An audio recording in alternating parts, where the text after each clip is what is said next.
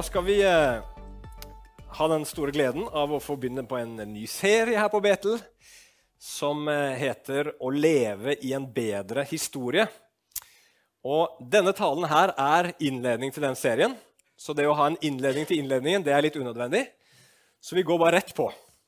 Og eh, Tittelen i dag er 'Våre historier og Guds historie'.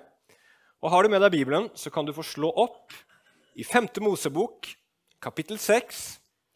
Og så skal vi lese fra vers 4. 5. Mosebok 6 og fra vers 4.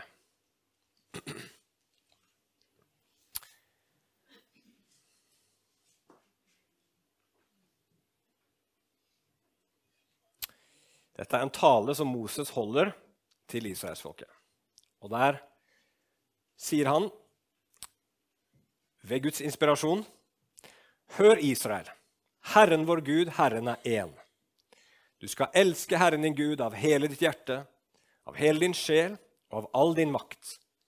Disse ordene som jeg befaler deg i dag, skal forbli i ditt hjerte. Du skal innprente dine barn dem, og du skal tale om dem når du sitter i ditt hus, når du går på veien, når du legger deg, og når du står opp. Du skal binde dem som et tegn rundt hånden, og de skal være som minnesedler mellom dine øyne. Du skal skrive dem på dørstolpene til ditt hus og på dine porter. Men når Herren din Gud fører deg inn i det landet han har tilsverget dine fedre, til Abraham, Isak og Jakob, for å gi deg store og vakre byer som du ikke har bygd, hus fulle av gode ting som du ikke har fylt dem med, uthogde brønner som du ikke har hogd ut, vingårder og oliventrær som du ikke har plantet. Når du har spist og er mett, da ta deg i vare, så du ikke glemmer Herren, som førte deg ut fra landet Egypt, fra slavehuset. Skal vi be sammen? Kjære himmelske Far, takk at vi kan få lytte til ditt ord i dag. Takk at du er en Gud som taler i 2022. Du er en Gud som er like levende nå som du var. Ditt budskap er like aktuelt nå som det alltid har vært. For vi mennesker vi, har, vi trenger deg like mye nå som vi trengte deg før. Om vi syns at vi har kommet langt og blitt veldig moderne og veldig flinke på mange ting, så har ingenting av det grunnleggende forandra seg. Vi trenger fortsatt deg, Gud. Vi trenger fortsatt din frelse. Vi trenger fortsatt Jesus. Og vi trenger fortsatt et levende håp. Nå ber jeg Herre Jesus om at når jeg skal legge ut ordet, at du med din ånd skal hjelpe meg til å tale som jeg bør. Herre, at disse ordene blir ord som er inspirert av deg, som er sanne ord, og som kan få virke i våre hjerter. Til å forstå din historie bedre og til å leve i den sånn som du vil. I Jesu navn. Amen. Det som vi nettopp leste nå, det er ord som eh, ble gitt til israelsfolket rett etter at de hadde kommet ut av Egypt, og før de hadde kommet inn i det som vi kaller for det lovede landet, inn i Kanan, hvor de skulle få det veldig bra. Sånn som vi hørte her, hvor de skulle få hus, og de skulle få brønner, og de skulle få oliventrær og alt mulig som de så fram til. Det var et land som skulle flyte med, med eh, melk og honning. Og der, på vei inn i dette landet, så gir Gud sitt folk en befaling.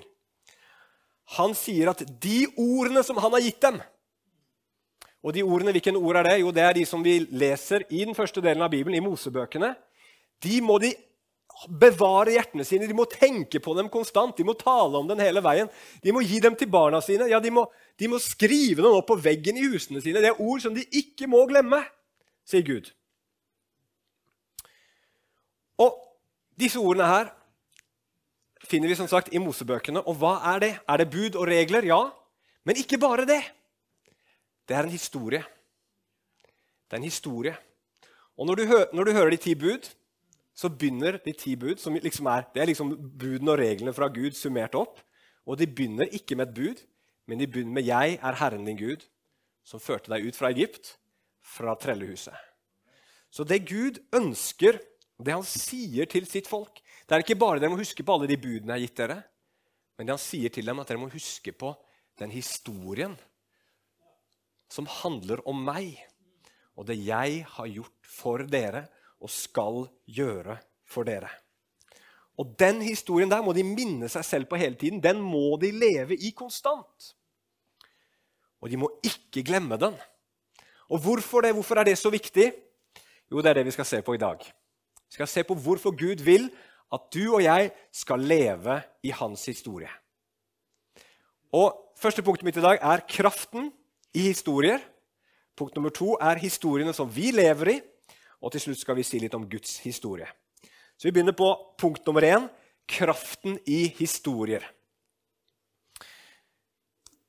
Jeg vet ikke hvor mange her inne som har sett eh, animasjonsfilmen 'Biler'. Kan du rekke opp en hånd hvis du har sett biler noen gang?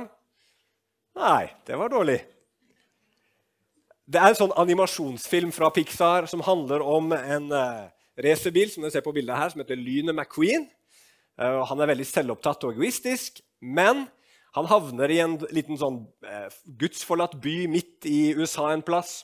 Og Der lærer han noe om vennskap. Han lærer at han kan ikke klare seg på egen hånd. Han trenger andre. Og så På slutten av denne filmen her, så er Lynet McQueen på racerbanen.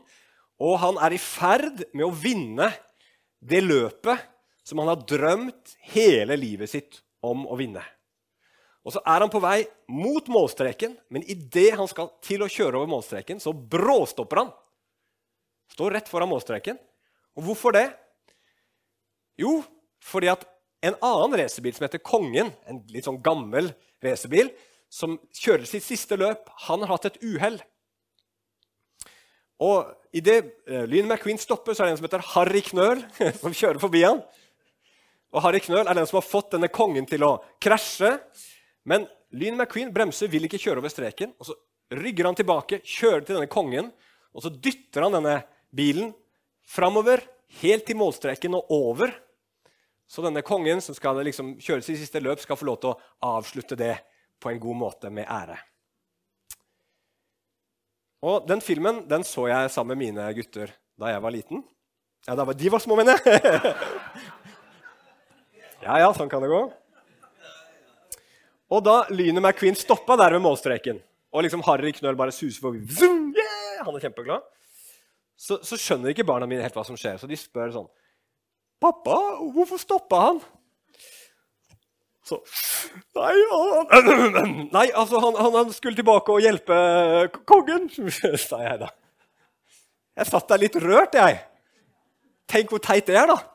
En film med biler som har øyne der vindusrutene skal være, har munn med støtfangeren, later som de er mennesker. Og så blir man rørt av det. Det går an, ja. Hvorfor det? Jo, for at historier selv sånne litt snåle historier som det, de berører oss. De gjør noe med følelsene våre. Noen ganger kan de skape frykt. ikke sant? Noen, noen roper til de som sitter på, på, i en film 'Ikke gå inn der! Nei, den må ikke gå inn der!' Når de er på vei inn i et rom hvor eh, en av de slemme sitter på lur. Eller vi kan bli sinte når vi ser en film. Vi kan få en god følelse. Det er noe som heter feel good-filmer, eh, tror jeg. et eller annet sånt. Du får iallfall en god følelse etterpå. Men historier gjør noe mer enn å skape følelser med oss. De endrer verdiene våre, og de endrer vårt syn på verden. Jeg skal komme et eksempel på det. På 1970-tallet trodde de aller fleste mennesker i, uh, i, Vesten, i Europa, i Nord-Amerika, at uh, abort og homoseksuelt samliv det var galt. I dag så har det bildet snudd seg fullstendig. Nå er det minoriteten som mener det, er galt, mens majoriteten mener at dette er ok. Og så er spørsmålet, Hvordan har det skjedd? Hvordan har vi på ca. 50 år gått fra helt forskjellig syn på disse verdiene? Har det skjedd gjennom at det har kommet masse nye argumenter? At vi har tenkt og reflektert og snakka sammen mye om dette her? Nei. Det har skjedd fordi følelsene våre i forhold til disse tingene her har endra seg. Og hvordan har følelsene våre til disse tingene her endra seg? I en bok som heter Primetime Propaganda, så er det en som heter Ben Shapiro, som argumenterer for at våre følelser i forhold til disse tingene og andre verdispørsmål har endra seg først og fremst pga. filmene og TV-seriene som vi i Vesten har sett på de siste 50 årene. Og Et eksempel som han drar fram, eh, det er eh, en serie som heter Maud. Det var ikke, så mange som hadde sett biler. Er det noen som har sett den? da? Nei, Den tror jeg bare har gått i USA. Men, og Det handler om eh, hun som du ser på bildet her, Maud. Var, det er en slags sånn komi, komiserie, sitcom, som de kaller det i dag. Og I en av episodene om, eh, i, i denne serien her, så blir Maud gravid. Og Hun blir gravid i en veldig veldig vanskelig situasjon for henne. Og så velger hun da å ta abort. Og hele stemningen i den episoden, alle samtalene i episoden, er skapt for å skape medfølelse og forståelse for det valget som Maud hun tar. Og når du ser på det, hva skjer med deg som ser da? Jo, da blir det følelsesmessig vanskeligere å være motstander av abort. ikke sant?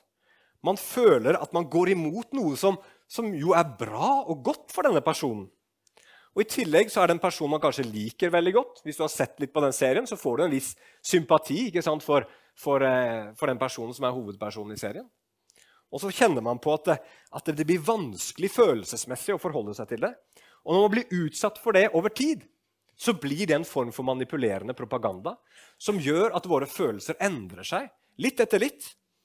Og så begynner vi å tenke annerledes, og så blir verdiene våre annerledes også. Uh, ifølge samme bok så har skaperen av serien Friends Er det noen som har sett den? da? Ja, noen har sett Friends, ja. Den var veldig populær på 90-tallet. Og skaperen av den serien de har sagt at uh, en av målene med den serien det var å skape positiv, uh, en positiv holdning bl.a. til homoseksuelle. Så det, det, gjorde de ved å skape et sympatisk bilde av de. Så historier de, gjør, de, de rører ved oss følelsesmessig. Og de kan også da av det få oss til å endre syn på virkeligheten. Endre verdisynet vårt, endre verdensbildet vårt. Og bare Som en parentes her så har jeg bare lyst til å si til oss kristne at når vi velger hva vi ser på på TV og på alle disse her streamingtjenestene, eller hva det er vi, vi bruker tid på, så trenger vi ikke bare å stille spørsmål rundt voldsinnhold og seksuelt innhold, og sånne type ting, selv om det også er viktig. Men vi må også tenke på hvilket verdensbilde er det som jeg blir presentert for her, og hvordan forsøker man å på et vis manipulere meg til å tro på det verdensbildet. Er det Guds virkelighet som presenteres i denne TV-serien, eller er det en falsk virkelighet? Fordi man kan skape en verden, man kan skape en historie som mennesker begynner å tro på, som ikke stemmer med virkeligheten i det hele tatt. Man kan skape en, en, en film eller en serie hvor hevn faktisk gir et menneske fred. Man kan skape en historie hvor eh, sex ikke skaper sterke bånd mellom mennesker. Det er noe sånn lett og enkelt som du kan bare gjøre som en annen fritidsaktivitet. Man kan skape en verden hvor abort ikke gir noen psykologiske effekter. Man kan skape en verden hvor mennesket innerst inne er godt. Man kan skape en verden hvor eh, frelse og håp og alt fins i å bare følge hjertet sitt. Da blir alt bra. Det har Disney gjort opp gjennom mange mange tiår nå. Og det, vi høst, det høster vi fruktene av nå. Bare følg hjertet ditt, så blir det bra. Men det gjør nok ikke alltid det. Sannheten, den står fast. Men sånne historier og filmer har en effekt på oss som kan få oss til å tro på ting som ikke er sant. Og så begynner vi å tenke at virkeligheten vår er sånn som, som, som det presenteres for oss i disse mediene. Og så begynner vi å leve ut ifra det. Og det er det neste poenget mitt. Ikke bare har historie kraft, men historie er noe som vi mennesker egentlig når alt kommer til alt, lever i. Vi lever alle i en form for historie. Og Rett før sommeren var det en veldig interessant artikkel på NRK om at depresjon og angst har fordobla seg blant unge de ti siste årene. Det er jo bare sjokkerende i seg selv. Eh, og denne fyren som dere ser på bildet her, han heter Steinar Krokstad. Han er professor i sosialmedisin ved NTNU. Og han sier følgende.: Unge i dag bærer med seg mye usikkerhet. Det gjelder jobb og økonomi. De vokser opp i en tid hvor vi, hvor vi fram til nå har hatt klokketro bare legg merke til ordet 'tro' der på økonomisk vekst. Nå ser vi at både mennesker og naturen vår sliter pga. dette. Og så står det i slutten av artikkelen Han mener at vi må skrive en ny historie om framtiden som ungdom kan ha tro på. Han ser for det første at mennesker lever i historier. Og så ser han at den historien som vi har presentert for veldig mange mennesker, og unge mennesker i dag, nemlig materialismens historie, skal komme tilbake til den, den fungerer ikke så bra lenger. Den fungerer bra når det er økonomisk vekst og framtidsutsiktene er gode. Men når det ser litt mer blekt ut, sånn som det gjør nå, så er ikke den historien lenger så effektiv. Og da trenger, han, trenger unge mennesker i dag, sier han, en annen historie å tro på. Med andre ord, vi mennesker vi plasserer våre liv inn i historier. Og Hva slags historier er det vi mennesker har en tendens til å tro på? Jeg skal komme med noen eksempler, men først la meg gi dere bare sånn liten sånn teoretisk eh, tanke om hva en sånn historie ofte består av. En historie har som oftest et mål, noe som det er verdt å leve for, noe som er det gode, noe som vil føre til lykke for deg. Nummer to alle historier har et form for problem. Det er noe som står i veien, som hindrer deg i å få oppnå den lykken, finne det som er målet i livet. Og nummer tre, det fins en eller annen løsning eller et håp om en løsning som skal ta bort problemet og gi deg og meg den lykken eller det målet som vi lengter etter. Så La meg gi et eksempel. da. Okay, så Vi har mål eller behov, vi har problem, og vi har løsning. Fra reklamens verden. Reklame forteller historier hele veien til deg. Nå skal jeg gi et litt karikert eksempel, men jeg synes allikevel at det, det illustrerer det godt. En, en, en, en, reklame for en eller annen deodorant. Du ser en ung mann som sitter alene, ensom, mens alle kameratene hans ser lykkelige og glade ut. Og hvorfor er, hvorfor er, de lykkelige? Jo, for at de liksom er omgitt av unge, vakre kvinner ikke sant? og kanskje har en i armkroken og ser veldig glad ut. Men han sitter der helt alene og er ensom, og ingen av damene er interessert i han. Og hva er problemet hans? Altså, det, da, da, skjønner vi for det første behovet. Behovet er å være attraktiv overfor det motsatte kjønnet. ikke sant? Det er liksom målet i livet. Men hva er problemet hans, da? Jo, så klart, dette er en deodorantreklame. Han har dårlig kroppslukt. Det er derfor damene ikke er interessert i ham. Og hva er løsningen? Igjen, dette er en deodorantreklame. Vår deodorant ordner opp. Og så liksom ser du jo ofte et sånt bilde av en eller annen sånn muskuløs kropp som driver og sprayer seg. eller et eller annet sånt. Og som navnet på produktet. Og så mot slutten av reklamen så ser du den samme mannen lykkelig og glad, omgitt av vakre kvinner, fornøyd, for nå er de interessert i han, og nå har han alt det han vil ha. ikke sant? Vi ler av det, og mange reklamer er litt teite, og vi tror ikke helt på reklamene. Men de fungerer allikevel! Fordi de spiller på våre lengsler. De forteller en historie som vi litt sånn halvveis tror på. Og som vi kommer i butikken og ser produktet, så tar vi det istedenfor det andre. For du vet jo aldri. Kanskje det hjelper.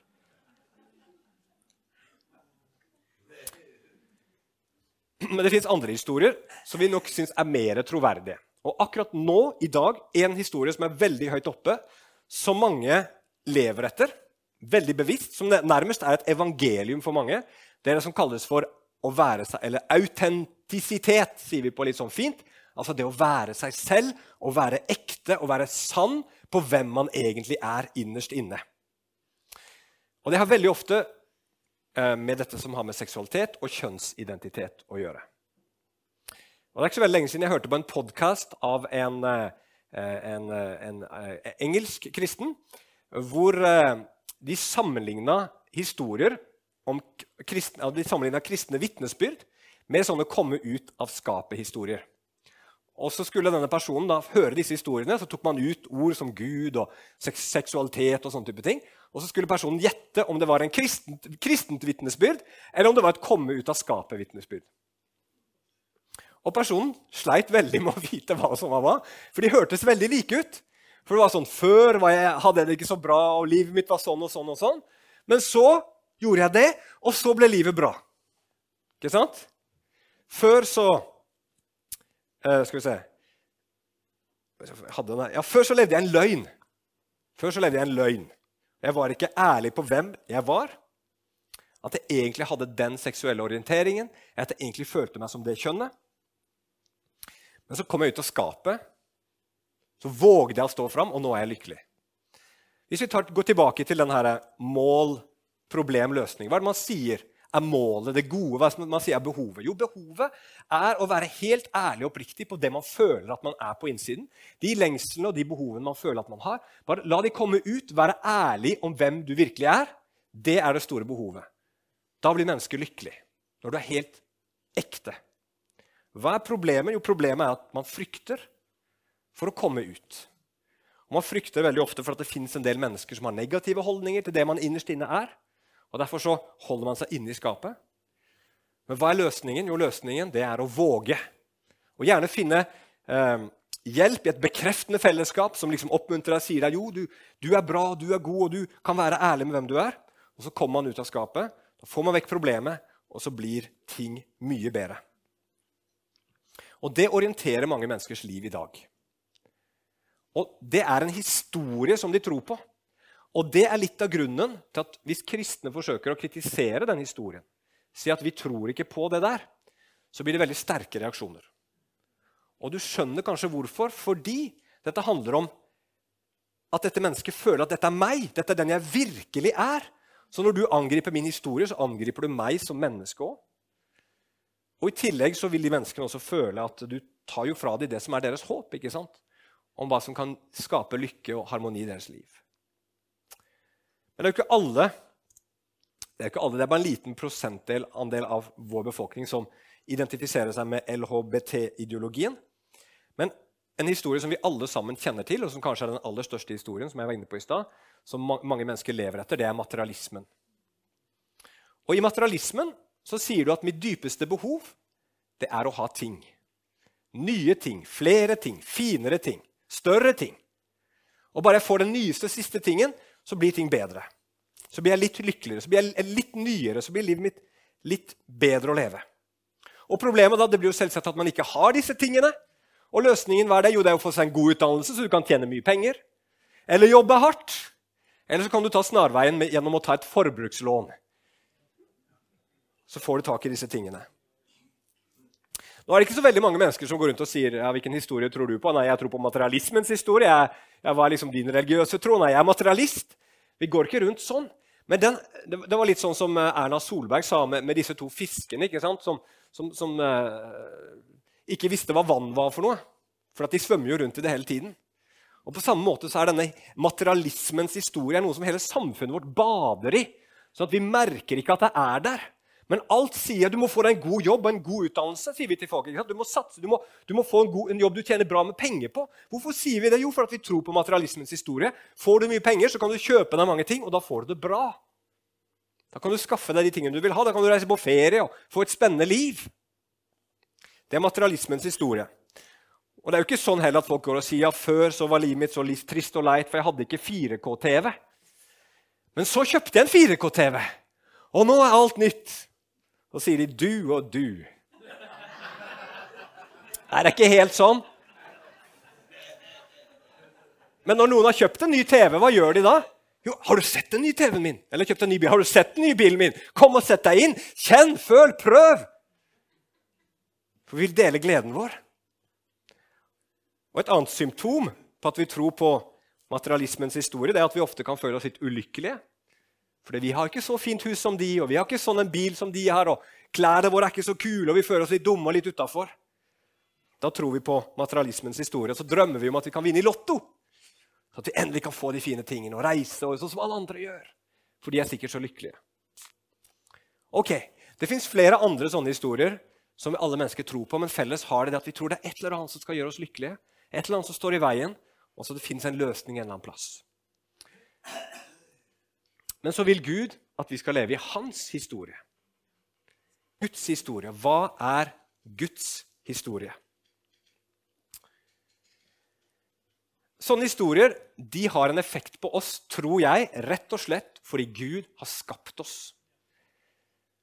Som, det var en som sa det, det er jo ikke akkurat veldig kristent å si det, men det var en eller annen sånn vitenskapsmann som sa at mennesket er et historiefortellende dyr. Nå tror jeg ikke at vi er dyr, men han setter fingeren på noe. Mennesker til alle tider har fortalt historier. Overalt til alle tider. Hvorfor gjør vi det? Jo, fordi det er noe Gud har lagt ned i oss for at vi skal lytte til hans historie, for at vi skal tro på hans historie, og for at vi skal plassere vårt liv inn i hans historie og leve etter den. Og Da kommer vi tilbake til den teksten vi leste innledningsvis fra 5. Mosebok kapittel 6. Gud vil at israelsfolket skal leve i hans historie. Og da er det veldig farlig å glemme den. Og da er det viktigere enn alt å holde seg i den historien og stadig minne seg på den. Jeg skal si litt mer om det straks, men først la oss stille spørsmålet ut ifra den rammeverket som vi hadde tidligere, med, med mål, behov, problemløsning. Hva er Guds historie? Jo, Det finner vi f.eks. i Romerbrevet 3, 23 og vers 24. Der står det for alle har syndet og mangler Guds herlighet, men ufortjent og av Hans nåde blir de kjent rettferdige, frikjøpt i Kristus Jesus. Hva forteller Guds historie oss her? Hva er ditt mål eller behov ut ifra Guds historie? Jo, det du trenger mer enn alt, det som er målet du bør jage etter mer enn noe annet, det som er de dypeste behov, det er Gud, hans herlighet. Gud sånn som han er i sin hellighet og godhet og sannhet og rettferdighet. Å ha fellesskap med han, det er det du ble skapt til. Og Hvis ikke du får fellesskap med Gud, hvis ikke du finner Gud og blir kjent med han, så kommer hjertet alltid til å være tomt. Du kan lengte etter alt, men du finner aldri det du lengter etter. Og hva er problemet? Hva er problemet, sier Bibelen? Jo, problemet i verden i dag, det er synd. Synd gjør verden til en råtten plass. Men synd er problemet mest av alt fordi synd er det som skiller mennesket fra Gud, som vi ble skapt til å leve i fellesskap med. Og Hva er da løsningen? Hva kan redde oss mennesker som er adskilt fra Gud pga. synden? Jo, Bibelens svar på det, fra begynnelse til slutt, det er Jesus Messias, Guds sønn, som kom til jorden og ble menneske for oss. Som levde det livet vi ikke kunne leve. Som døde den døden vi fortjente å dø, og som vant den seieren som vi aldri kunne vinne da han sto opp fra de døde. Det er Guds vidunderlige historie. Det er en fantastisk historie for det er en historie om nåde som alle mennesker kan få ta imot. Det er ferdig, det er gjort. Det er ikke en historie om hvordan du skal få det til, men det er en historie om hvordan Gud har fått det til. Og den historien tror vi på her på Betel. Den historien tror vi kristne på. Og fordelen med den historien Det finnes mange fordeler med den, men av, to av fordelene som jeg vil nevne spesielt, før jeg sier litt til slutt om det å ikke glemme den.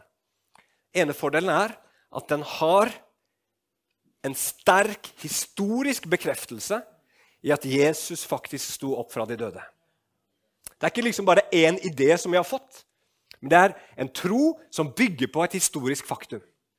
Og Har du ikke fått med deg på YouTube han Tor Håvik, han Farmen-presten, sin serie som heter Oppstandelsen, så vil jeg virkelig anbefale deg å se på den.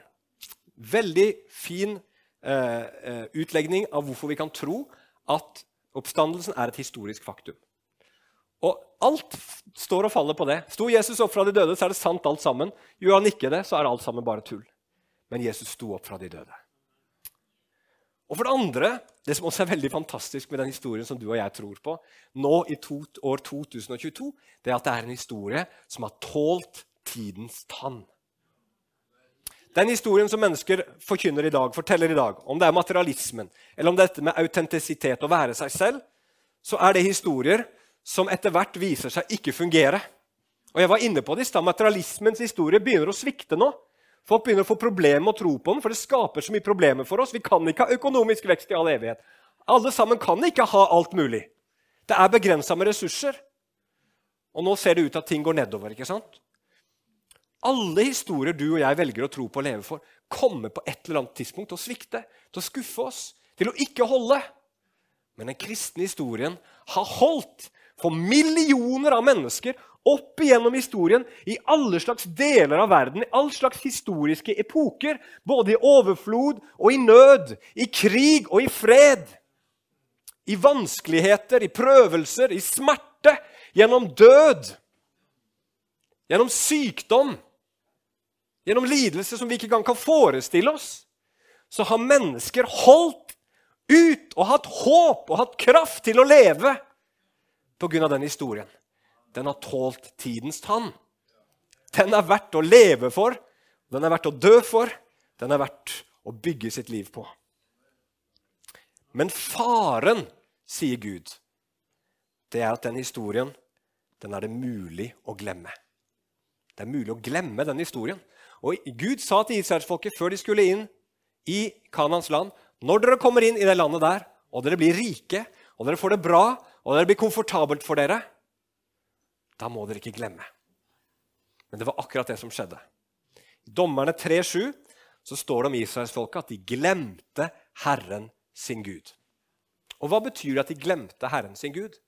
Var det sånn at Ingen hadde hørt liksom om Gud lenger, og ingen visste noen ting om Moses og, og liksom hva som hadde skjedd? Nei. Hvis du leser Dommernes bok, så, vet, så, ser du at de hadde kunnskap om alt dette.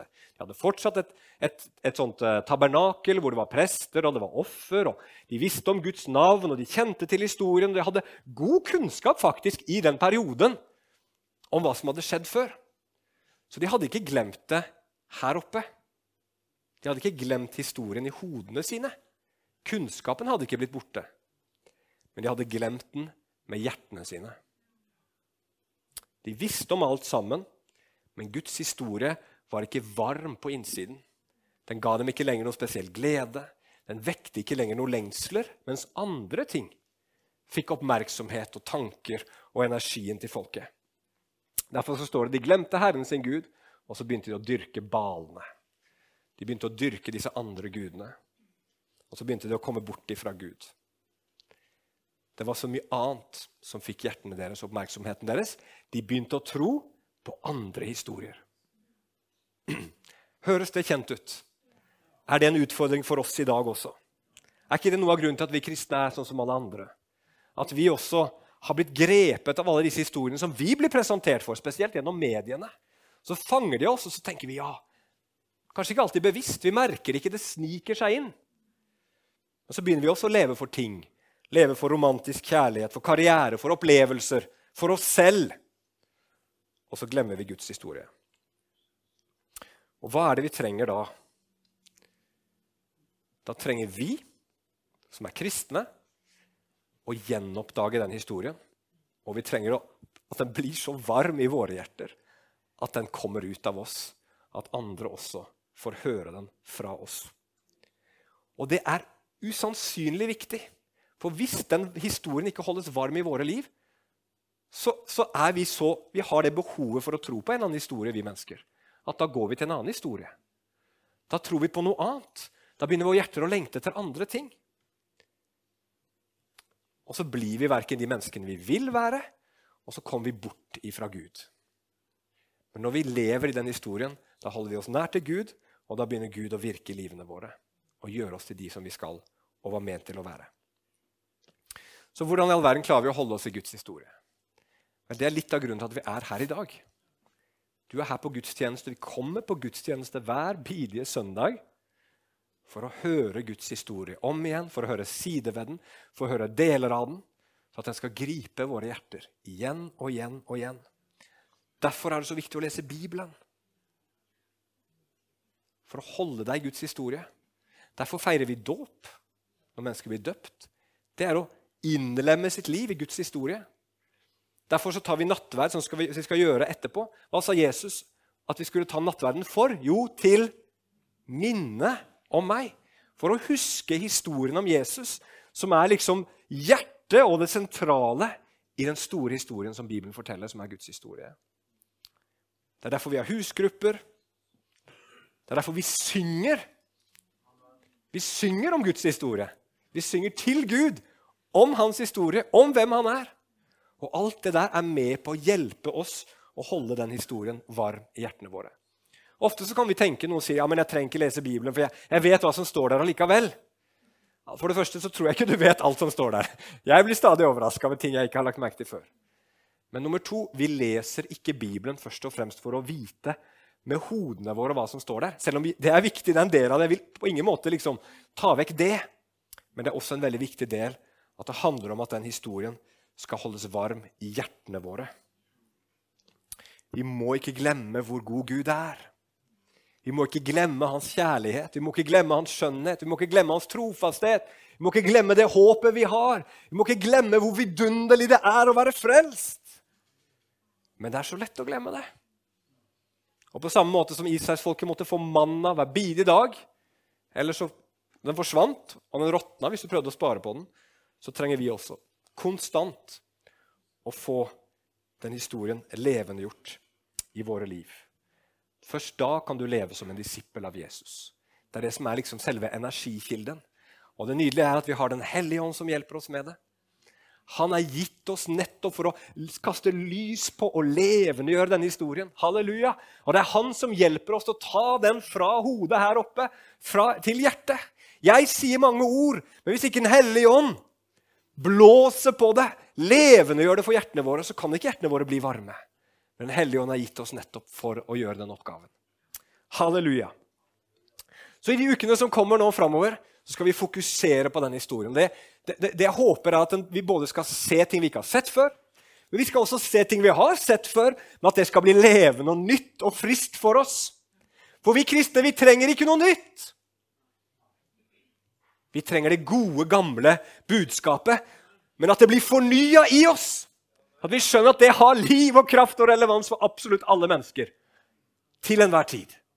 Nå inkludert meg der hvor jeg er. Om det er i velstand eller i nød, så er evangeliet alltid det vi trenger. Amen. Så jeg vil utfordre oss i dag, nå skal vi gå til nattverd sammen, til å si til Gud Du sier i ditt hjerte Jeg vil ikke tro på denne verdens falske historier. Jeg vil ikke la meg lure av disse historiene, men jeg vil tro på din historie, Gud. Amen.